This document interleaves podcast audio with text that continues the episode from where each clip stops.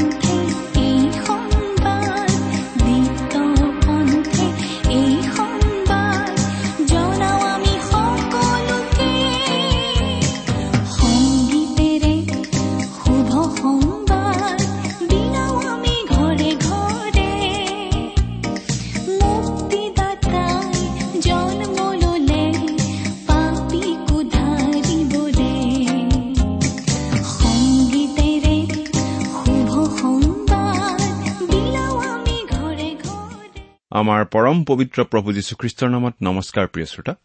আশা কৰো মহান পিতা পৰমেশ্বৰৰ মহান অনুগ্ৰহত আপুনি ভালে কুশলে আছে। লগতে এই বুলিও আশা কৰিছো যে আপুনি আমাৰ এই ভক্তিবচন অনুষ্ঠানটো নিয়মিতভাৱে শুনি আছে। প্ৰিয় শ্ৰোতা এই অনুষ্ঠান শুনি আপুনি কেনে পাইছে আমালৈ চিঠি লিখি জনাবচোন। আপোনালোকৰ পৰা চিঠি পত্ৰ পাবলৈ আমি আগ্ৰহেৰে বাট চাওঁ। আহকচোন আজিৰ বাইবেল অধ্যয়ন আৰম্ভ কৰাৰ আগতে খন্তেক প্ৰাৰ্থনাত মূৰ দুৱাওঁ। স্বৰ্গত থকা অসীম দয়ালু পিতৃ ঈশ্বৰ তোমাৰ মহান নামৰ ধন্যবাদ কৰো।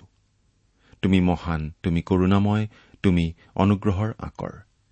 তোমাৰ অনুগ্ৰহতেই আজি আমি প্ৰভু যীশুত বিশ্বাস কৰি পৰিত্ৰাণ পাব পৰা হৈছো তোমাক পিতৃ বুলি মাতিব পৰা হৈছো। তুমি আমালৈ যিমান অনুগ্ৰহ দেখুৱাইছা তাৰ বাবে তোমাক ধন্যবাদ দি আমি শেষ কৰিব নোৱাৰো। এতিয়া প্ৰাৰ্থনা কৰিছো তোমাৰ মহান বাক্য বাইবেল শাস্ত্ৰৰ যোগেৰে তুমি আমাক কথা কোৱা। তোমাৰ মাত আমাক শুনিবলৈ দিয়া। কিয়নো এই প্ৰাৰ্থনা আমাৰ মহান ত্ৰাণকৰ্তা প্ৰভু যীশুখ্ৰীষ্টৰ নামত আগবঢ়াইছো। আমেন।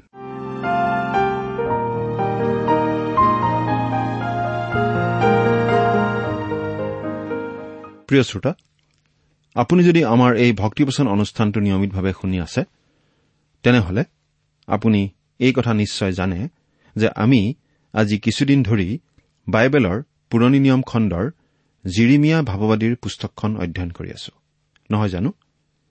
জিৰিমিয়া ভাৱবাদীৰ যোগেদি জিহুদাৰ লোকসকললৈ ঈশ্বৰৰ বাক্য আহিছিল। ইতিমধ্যে উত্তৰৰ ইছৰাইল ৰাজ্যৰ লোকবিলাকক ঈশ্বৰে তেওঁলোকৰ অবাধ্যতাৰ বাবে শাস্তি প্ৰদান কৰিছিল আৰু তেওঁলোক শত্ৰুৰ হাতত পৰাস্ত হৈ বন্দী হৈ দেশান্তৰিত হ'ব লগা হৈছিল। জিহুদাৰ লোকসকলকো ঈশ্বৰে সাৱধানবাণী শুনাইছে। তেওঁলোক যাতে ভাল হয় যাতে আন সকলো ত্যাগ কৰি তেওঁলোক ঈশ্বৰলৈ ঘূৰে। ইতিমধ্যে আমি এই জিৰিমিয়া পুস্তকৰ তেৰ নম্বৰ অধ্যায়লৈকে চালো আৰু আমি পালো যে জিৰিমিয়া ভাৱবাদীয়ে জুচিয়া ৰজাৰ দিনত ভাৱবাণী ঘোষণা কৰি আছিল আৰু ৰজায়ো তেওঁৰ লগত সহযোগ কৰি দেশৰ লোকসকলৰ মাজত পুনৰ জাগৰণ আনিছিল। কিন্তু ইয়াত আমি দেখিবলৈ পাম জিৰিমিয়া ভাৱবাদীয়ে জিহুয়াকিম ৰজাৰ দিনত ভাৱবাণী প্ৰচাৰ কৰাৰ কথা।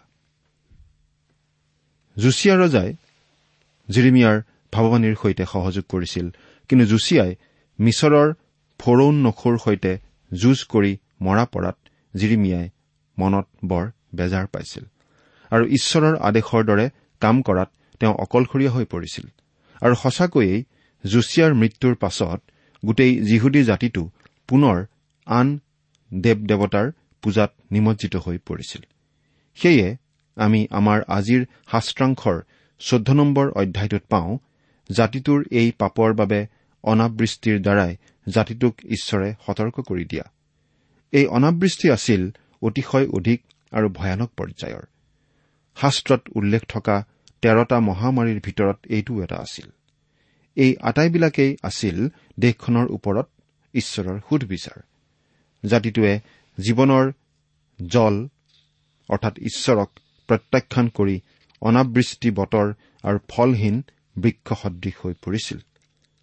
মাটিৰ পৃথিৱীত ঘটা খৰাং বতৰৰ নিচিনা আম্মিকভাৱে জাতিটোৰো যে হৃদয়ত আম্মিক খৰাং বতৰৰ সৃষ্টি হৈছিল তাকে দেখুৱাবলৈ ঈশ্বৰে সেই খৰাং বতৰ পঠাই দিছিল। সেই খৰাং বতৰ বৰ ভীষণ ভয়ানক আছিল। এই কথা আমি পাওঁ। এই জিৰিমিয়া পুস্তকৰ চৈধ্য নম্বৰ অধ্যায়ৰ দুই আৰু তিনি নম্বৰ পদত।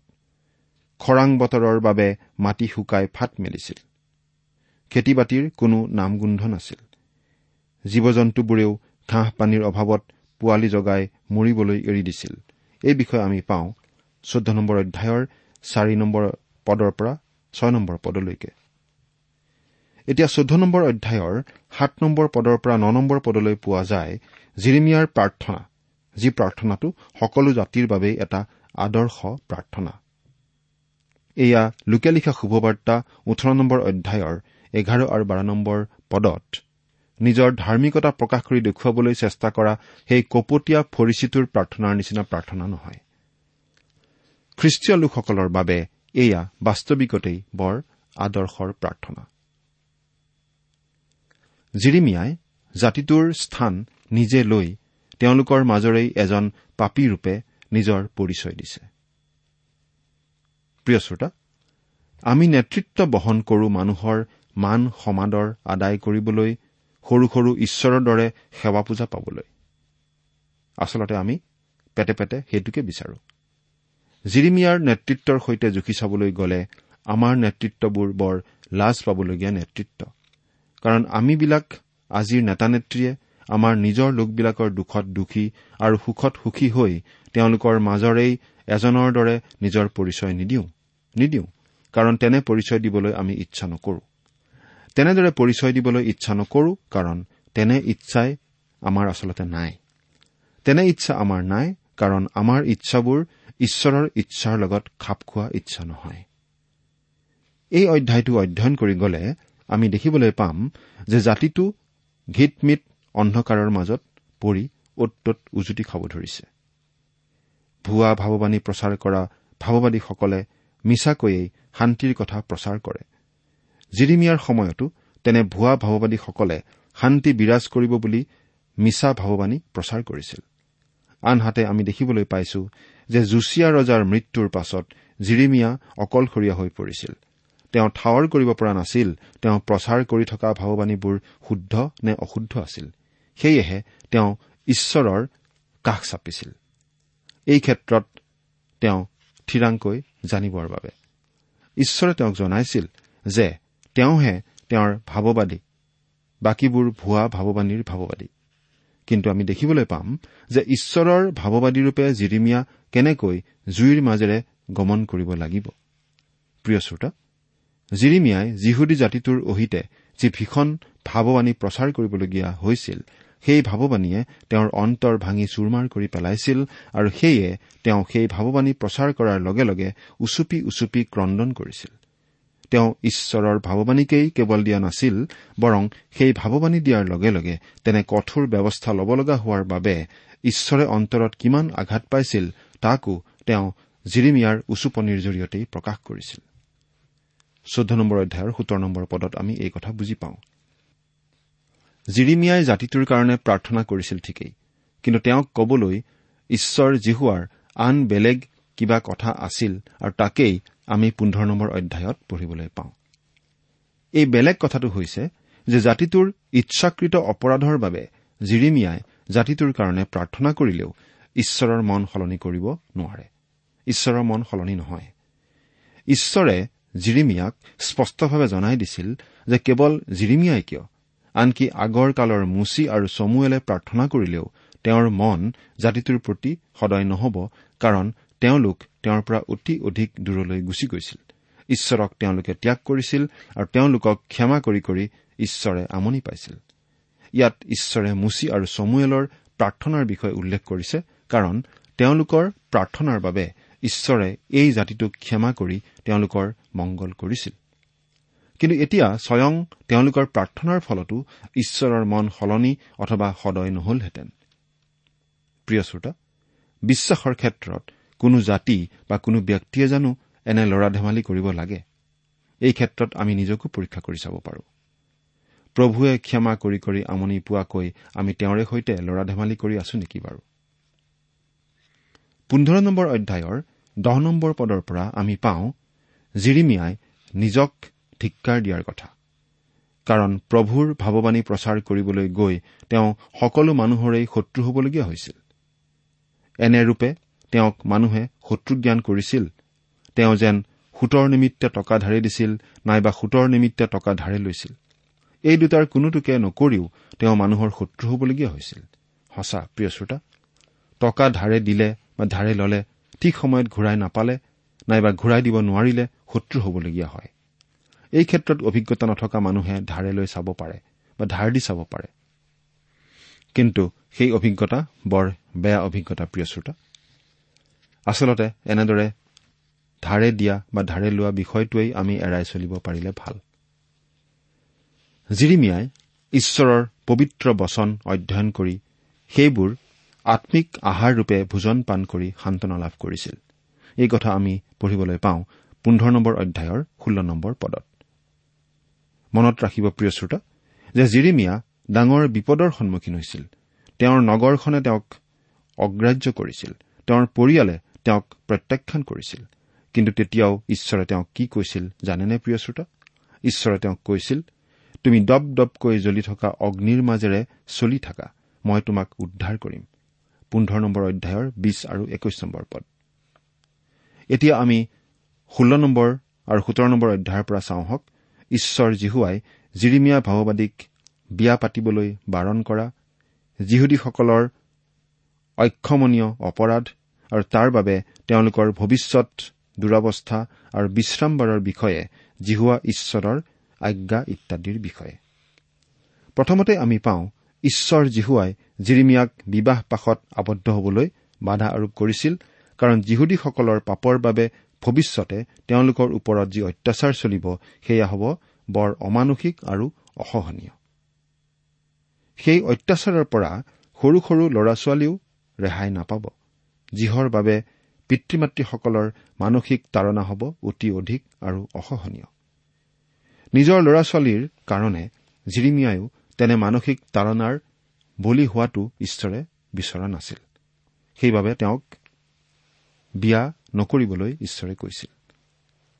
কিন্তু এই অধ্যায়টোত ঈশ্বৰে ইয়াকো জিৰিমিয়াক জনাইছে যে যিহুদী জাতিটোৱে এনেকৈয়ে সদায় দুখত দিন নিয়াব নালাগিব।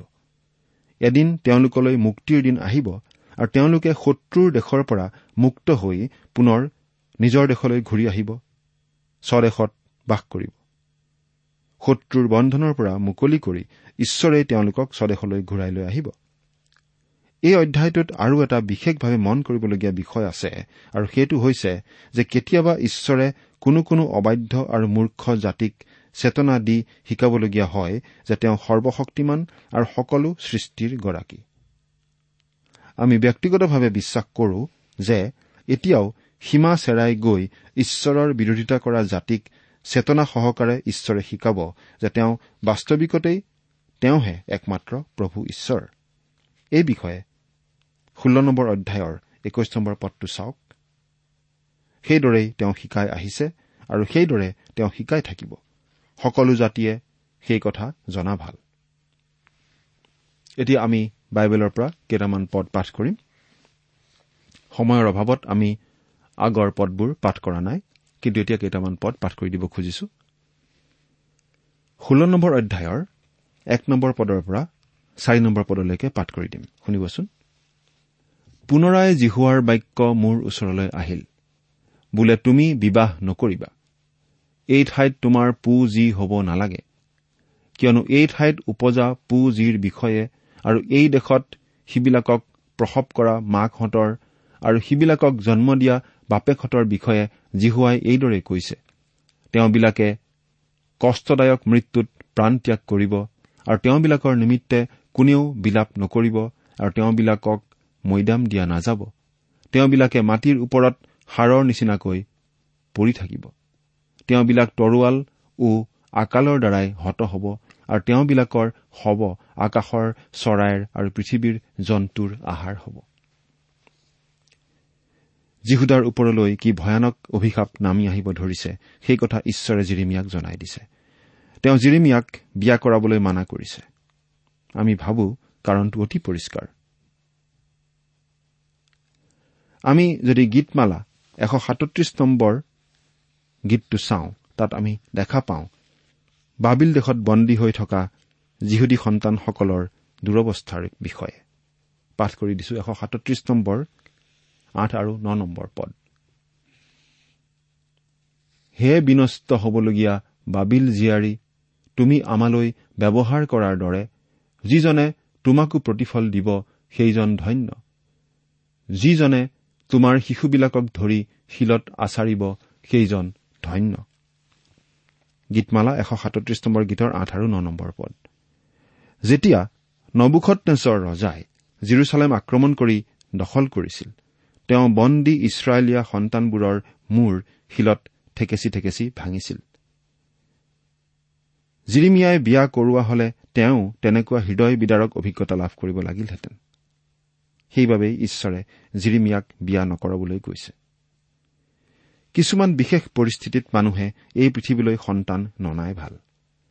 আমাৰ কেতিয়াবা এনেকুৱা লাগে যেন আমি আৰু কোনো সন্তান এই পৃথিৱীত জন্ম নিদিয়াই ভাল। কাৰণ এই পৃথিৱীখনৰ ভৱিষ্যতলৈ চালে আমি কেৱল অন্ধকাৰেই দেখা পাওঁ। গতিকে আমি আমাৰ ল'ৰা ছোৱালীবোৰক প্ৰভু যীশুৰ হাতত সোধাই দি তেওঁৱেই যাতে সিহঁতক নিৰাপদে ৰাখে তাৰ বাবে প্ৰাৰ্থনা কৰিব পাৰো আৰু তাকেই কৰা উচিত। ষোল্ল নম্বৰ অধ্যায়ৰ চৈধ্য আৰু পোন্ধৰ নম্বৰ পদ দুটা পাঠ কৰি দিম। ইয়াত আমি এনেদৰে পাওঁ তথাপি জিহুৱাই কৈছে চোৱা এনে কোনো দিন আহিছে যে সেইদিনা লোকবিলাকে আৰু নকব যে যিজনাই ইছৰাইলৰ সন্তানবিলাকক মিছৰ দেশৰ পৰা আনিলে সেই জিহুৱাৰ জীৱনৰ শপত। কিন্তু এনেকৈ কব যে যিজনাই ইছৰাইলৰ সন্তানবিলাকক উত্তৰ দেশৰ পৰা আৰু যি যি দেশলৈ তেওঁবিলাকক খেদিছিল সেই সকলো দেশৰ পৰা আনিলে সেই জিহুৱাৰ জীৱনৰ শপত। মই তেওঁবিলাকৰ পূৰ্বপুৰুষবিলাকক যি দেশ দিছিলো সেই দেশলৈ পুনৰাই তেওঁবিলাকক আনিম। জিহুদাৰ ইতিহাসৰ এই অন্ধকাৰ সময়ত ঈশ্বৰে জিৰিমিয়াক উজ্জ্বল পোহৰ এটাও দেখুৱাইছে। এটা অন্ধকাৰ সুৰংগৰ শেষত যেন পোহৰ আছে তেনেকুৱা ভাৱ এটা ইয়াত প্ৰকাশ পাইছে। আৰু জিৰিমিয়া ভাৱবাদীৰ লিখনিত এই আশাৰ ৰেঙনিটো বাৰে বাৰে প্ৰকাশ পাই উঠা আমি দেখা পাওঁ। ইমান গভীৰ অন্ধকাৰ হোৱা নাছিল যে আহিবলগীয়া পোহৰ দেখা নোপোৱা হৈ গৈছিল। কিন্তু আচলতে অন্ধকাৰ ইমান তীব্ৰ আছিল যে আহিবলগীয়া ঈশ্বৰৰ পোহৰো সিমান উজ্জ্বল হৈ পৰিছিল। ঈশ্বৰে জনাই দিছিল যে সেইদিন আহিব। যি দিনত তেওঁ বাবিলনীয়া বন্দিত্বৰ পৰা ইছৰাইলীয়া লোকবিলাকক মুকলি কৰি লৈ আহিব। তেওঁলোক আকৌ নিজৰ দেশলৈ উভতি আহিব। এতিয়া আমি একৈশ নম্বৰ পদটো পাঠ কৰি দিম। এই হেতুকে চোৱা মই তেওঁবিলাকক জনাম। মোৰ হাত আৰু মোৰ পৰাক্ৰম তেওঁবিলাকক এবাৰহে জ্ঞাত কৰাম। তাতে মোৰ নাম যে জিহুৱা তাক তেওঁবিলাকে জানিবলৈ পাব। ঈশ্বৰে কৈছে যে ইছৰাইলৰ লোকবিলাকে আকৌ এদিন বুজিব যে প্ৰভু জিহুৱাই প্ৰকৃত ঈশ্বৰ। প্ৰিয় শ্ৰোতা আমি বাৰু ঈশ্বৰক তেনেদৰে চিনি পাইছোনে? নে আমি তেওঁক পাহৰি গৈছো?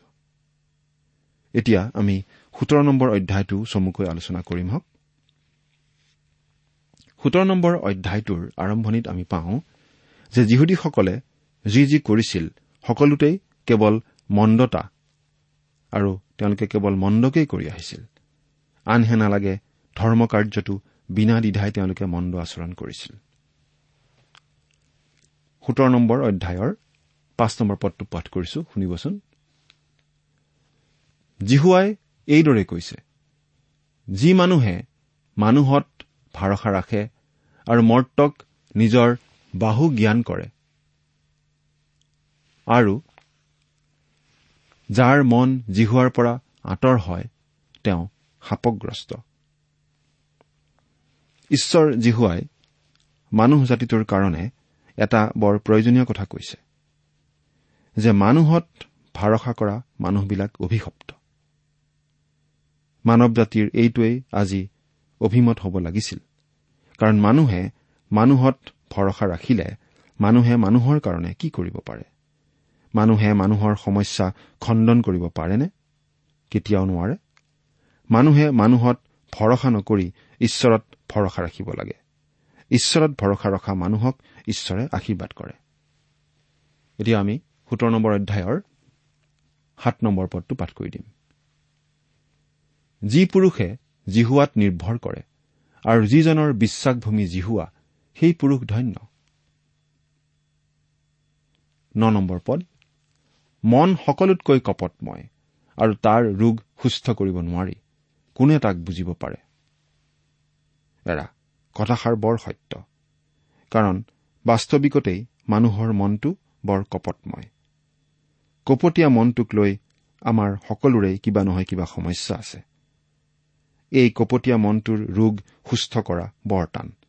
কেৱল ঈশ্বৰেহে মানুহক এক নতুন অন্তৰ দান কৰিব পাৰে। আমি যেতিয়া ঈশ্বৰৰ ওচৰলৈ আহোঁ তেতিয়া ঈশ্বৰে আমাক নতুন জীৱন দান কৰে। তেতিয়া আমি নতুনকৈ জন্ম পোৱা লোক হওঁ আৰু আমি নতুন প্ৰকৃতিৰ অধিকাৰী হওঁ। সেয়ে আমি আমাৰ অন্তৰ প্ৰভুক দিয়া উচিত। মই জিহুৱাই প্ৰতিজন মানুহক তেওঁৰ নিজ নিজ আচাৰ ব্যৱহাৰ অনুসাৰে তেওঁৰ কাৰ্যৰ ফল অনুসাৰে প্ৰতিফল দিবলৈ মনৰ বিচাৰ আৰু মৰ্ম পৰীক্ষা কৰো। প্ৰতিজন লোকৰ হৃদয় ঈশ্বৰে পৰীক্ষা কৰি চায় প্ৰতিজন লোকৰ কাৰ্য ঈশ্বৰে পৰীক্ষা কৰি চায় প্ৰিয় শ্ৰোতা ঈশ্বৰে যদি আমাৰ মনৰ ভাৱ চিন্তা আমাৰ হাতৰ কৰ্ম পৰীক্ষা কৰি চায় তেনেহলে কি দেখা পাব? আমি বাৰু ঈশ্বৰৰ পৰা কিবা পুৰস্কাৰ আশা কৰিব পাৰোনে? আচলতে আমি ঈশ্বৰৰ দৃষ্টিত জঘন্য পাপী প্ৰতিজন লোকেই জঘন্য পাপী।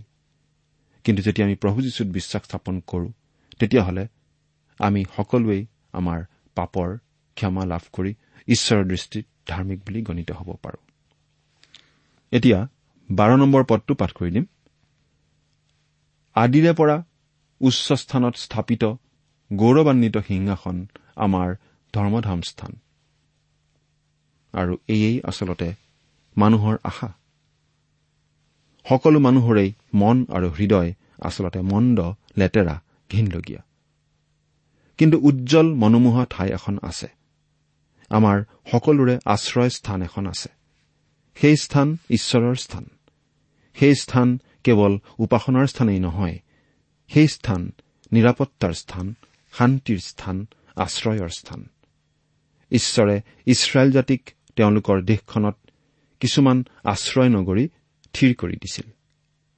সেই আশ্ৰয় নগৰীবোৰত তেওঁলোকে নিৰাপত্তা পাইছিল। আৰু আজি আমাৰ বাবে আশ্ৰয় নগৰী হৈছে প্ৰভু যীশুখ্ৰীষ্ট। প্ৰিয় শ্ৰোতা এই দিনবোৰ অতি মন্দ আৰু ভয়াৱহ।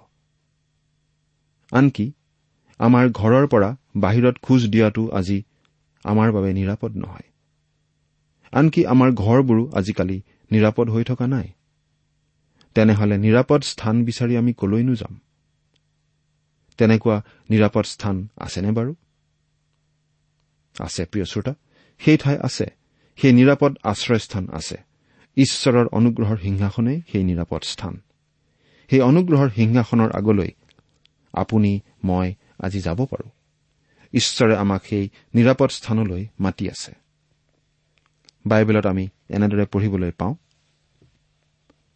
এতেকে হে ভাইবিলাক যীশুৱে আঁৰ কাপোৰেদি অৰ্থাৎ তেওঁৰ মাংসেদি যি নতুন আৰু জীৱনময় পথ আমাৰ কাৰণে আৱিষ্কাৰ কৰিলে আমি সেই পথেদি যীশুৰ তেজৰ গুণে পবিত্ৰ স্থানত সোমাবলৈ সাহিয়াল হোৱাত আৰু ঈশ্বৰৰ গৃহৰ ওপৰত নিযুক্ত মহান আমাৰ এজন পুৰোহিতো থকাত আৰু কুবিবেকৰ পৰা আমাৰ হৃদয় শান্তি কৰা হোৱাত আহা।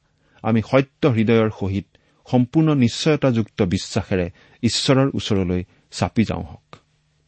প্ৰিয় শ্ৰোতা প্ৰভু যীশুত বিশ্বাস স্থাপন কৰি আপুনি ঈশ্বৰৰ ওচৰলৈ চাপি যোৱাৰ সেই সাহস আপোনাৰ হৃদয়ত লাভ কৰিব পাৰে। লাভ কৰিছেনে বাৰু? ঈশ্বৰ আপোনাৰ সহায় হওক। আমেন। প্ৰিয় শ্ৰোতা ইমান পৰে আপুনি বাইবেল শাস্ত্ৰৰ পৰা ঈশ্বৰৰ বাক্য শুনিলে। এই বিষয়ে আপোনাৰ মতামত জানিবলৈ পালে আমি নথৈ আনন্দিত হ'ম। আমি প্ৰস্তুত কৰা বাইবেল অধ্যয়নৰ চিডিসমূহ পাব বিচাৰিলে আৰু অনুষ্ঠানত প্ৰচাৰ কৰা কোনো কথা বুজিব লগা থাকিলেও আমালৈ লিখক।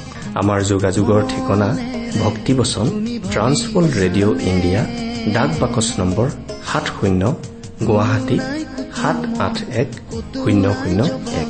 ঠিকনাটো আকৌ এবাৰ কৈছো ভক্তিবচন ট্ৰান্সৱৰ্ল্ড ৰেডিঅ' ইণ্ডিয়া ডাক বাকচ নম্বৰ সাত শূন্য গুৱাহাটী সাত আঠ এক শূন্য শূন্য। এক। আমাৰ ইমেইল এড্ৰেছটো হৈছে Assamese T TV at the rate radio' eight eight two dot com. আমাৰ website W W W dot T W R dot in. আপুনি টেলিফোনৰ মাধ্যমেৰেও আমাক যোগাযোগ কৰিব পাৰে। আমাৰ টেলিফোন নম্বৰটো হৈছে nine eight five four zero' four zero' eight eight nine. Phone নম্বৰটো আকৌ এবাৰ কৈছো ন আঠ পাঁচ চাৰি শূন্য চাৰি শূন্য আঠ আঠ ন। আপুনি এই ভক্তিবচন অনুষ্ঠানটি আমাৰ website W W W dot radio' eight eight two dot কমতো শুনিব পাৰিব। আজিৰ অনুষ্ঠানটি ইমানতেই সামৰিছো। ঈশ্বৰৰ শান্তি আৰু অনুগ্ৰহ আপোনাৰ লগত থাকক। ধন্যবাদ। যিচুৰ বাদে কোনো নাই।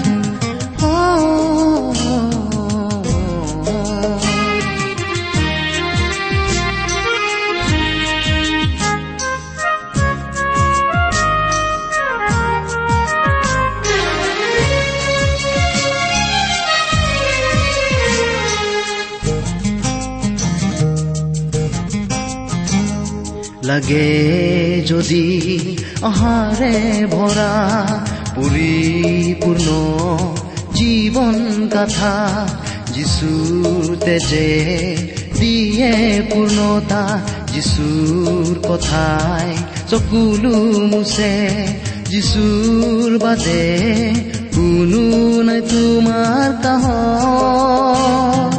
মনেৰে তুমি ভাবিছানে? কোনো নাই কুতুমৰ কতো নাই জগতৰ যিচুৰ বাদে কোনো নাই। কোনো নাই কুতুমৰ কতো নাই জগতৰ যিচুৰ বাদে কোনো নাই। যিচুৰ বাদে কোনো নাই। যিশুৰ বাদে কোনো নাই